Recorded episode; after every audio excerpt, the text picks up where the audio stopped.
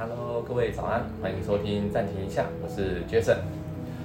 哇，不知不觉我们又迈入了七月，那代表什么？代表今年我们已经过去一半了嘛？不知道各位对自己的上半年最有印象的事情是什么呢？那如果要我说的话，我的上半年刚好，我觉得在接近尾声，就是五月、六月的时候，我参加了两场让我觉得非常有意义的活动。那一场就是之前跟各位有分享过的，就是我们在云林的大川果园去参加的一个亲子田园派对的活动。那另外一场呢，就是在上一个周六的下午，在荣馆这个地方举办了一个小小马吉师的活动。刚好觉得在六月底的时候参与到了这场活动之后，赶快重新录制一集来跟各位分享一下我现在热腾腾的心里的感想。好，那话不多说，我们就赶快开始吧。首先呢，先介绍一下这个场地，就是荣馆这个建筑物。这个场地呢，它是位于我们的台南市的中正路跟国华街的交叉口。对台南有一点认识的朋友，听到中正路跟国华街，就知道说，喂，那其实是一个蛮精华的地段，就是我们海岸路的旁边嘛。其实也算是我呃国高中的一个回忆的地方了，因为那时候对我们来说就有一点哎，到海岸路喝茶听听起来是一个很下趴的代际，所以而龙馆早期呢，我记得没错的话，应该是戏院，那后来因为戏院收掉了嘛，重新整修之后变成了现在的样子，那也重新取名叫做荣馆。好的，那首先介绍荣馆这个地方，我们从正门或侧门进去的时候。映入你的眼帘的，就是大大的黑桥牌三个字，他们的柜位。那他们在柜位上呢，就是有贩卖他们很有名的烤香肠啊，或者是大肠包小肠。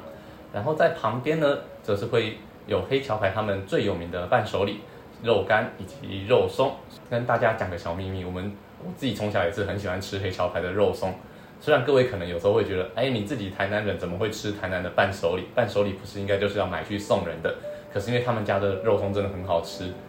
我以前的集数里面应该有讲到，就是我小时候其实最讨厌吃的就是跟浆糊一样的稀饭，我一定是肉松加满加爆，那加的就是我们黑桥牌的肉松。好的，那除了我们黑桥牌的柜位之外，它其实也有让出一些空间，然后给我们台南在地的一些文创的小摊贩、小吃级的呃摊友们去做摆设，去做他们自己商品的推广。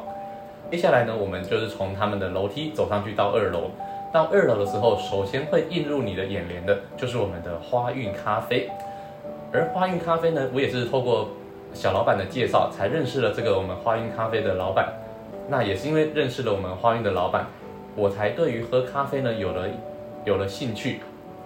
因为以前我在台北的办公室工作的时候啊，我其实是一个不太喝咖啡的人，因为我一直以来都不喝咖啡，所以。我的体质对咖啡因是相对敏感的，我印象很深刻。以前有一次有客人下午来办公室找我，那顺手带了两杯咖啡给我，哇！我喝完一杯之后，我当天晚上开始有了心悸，然后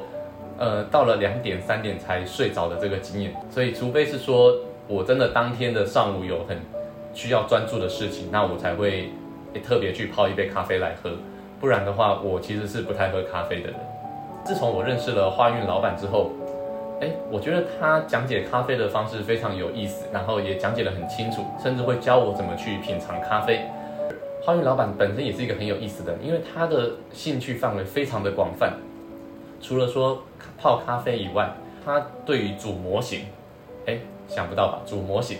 因为我自己本身以前很喜欢就是机器人，小朋友小男孩的梦想就是机器人。那花运老板他的摊位旁边就摆了两只钢弹的模型。啊，我第一次去的时候看到，我们就开始聊模型，都不聊咖啡。会聊咖啡是后来我们比较熟识，我蛮常去跟他聊天的时候，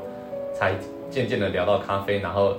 我激发我对咖啡的兴趣。那我有问题或者是我有一些新的想法，就去跟他互相做讨论这样子。那二楼我们看完花运咖啡之后呢，另外一边呢就是我们的景星园，哎，啊，对不起，sorry，景园新。的展区，他们隔了一个展区给了我们景元星。那不知道各位听到景元星的第一个想法是什么？可能会觉得说，哇，听起来是一个很有历史的品牌。没错，它的确蛮有历史的。它是在我们的一九二三年的时候创立的。那当时创立的时候，它是以布料的进口，然后染整跟批发零售的业务为主。它虽然是布料，虽然是静态的展区，但是你可以看得出，它为了因应时代的变化，去想办法激发自身的活力，然后顺应时代的潮流去存活下来，甚至去运用自身的特点来发光发热。好的，那看完景园新的展区之后呢？哎，前面讲了这么多，是不是各位都忘了？我们今天其实主要是来讲。我们的考文马吉小老板呐，跟我们的昆山教会举办的一个小小马吉师的活动。那现场总共有二十来位的小朋友们，那每个人呢都会分到我们两只的马吉的圆，就是刚从冷冻库拿出来的马吉，是方方正正的，已经切好的。那首先活动的第一个部分呢，就是我们的小老板先介绍一下他们的马吉的历史。再来第二个部分呢，就是让我们的小朋友亲自来烤他们手上的那两只马吉。那原本以为我是来做场地的布置协助，然后以及一些拍照摄影的这个部分，但后来发现，哎，现场有两张桌子，然后我被临时交付了一个任务，就是我要去雇另外一张桌子，那在另外一张桌子去协助我们的小朋友们烤自己的麻鸡。而这其中其实有一件事情让我印象蛮深刻的，就是因为我们的每位小朋友他们分到手上的麻鸡是两只嘛，那烤完了以后，他们就是可以去。后面的那个配料台自己去加想要的酱料，巧克力啊，或者是蜂蜜，还有炼乳。然后有一个小朋友，他烤完了以后加完酱料，他说：“哇，他烤马吉太好吃了。”他不小心把两只都吃完了。他来问我说：“那个老师，老师能不能能不能再给他两只马吉？他想要烤完以后回去给他的爸爸妈妈吃。”听到这个之后，我觉得我也没有拒绝的理由，我就问了一下小老板，如果现场的材料还有的话，诶，那我们可不可以给这个小朋友多烤两只？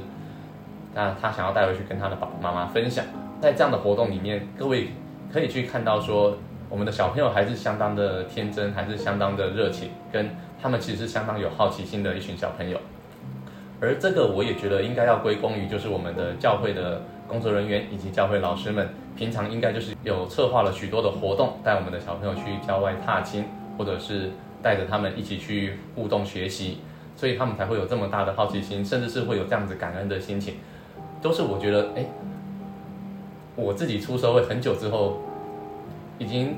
没有没有再去注重的一些情感吧，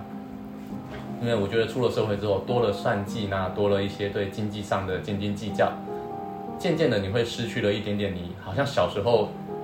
可以很大方的说出来的，我想跟父母分享啊，我爱我的爸爸妈妈这种话，到了长大你反而讲不出来了。但是今天借由这场活动之后，我觉得我又重新从这些小朋友们身上得到了一点力量，那得到了一点启发，所以才想赶快做，哎，那这个礼拜原本录好的音音档就算了，我重新录一篇。我想把这样的心情呢，来跟各位听众们做一个分享。让心中会暖暖的这种感觉持续的把它发布出去，好不好？好，那我们今天暂停下录音，就到这边，我们下一次见，拜拜。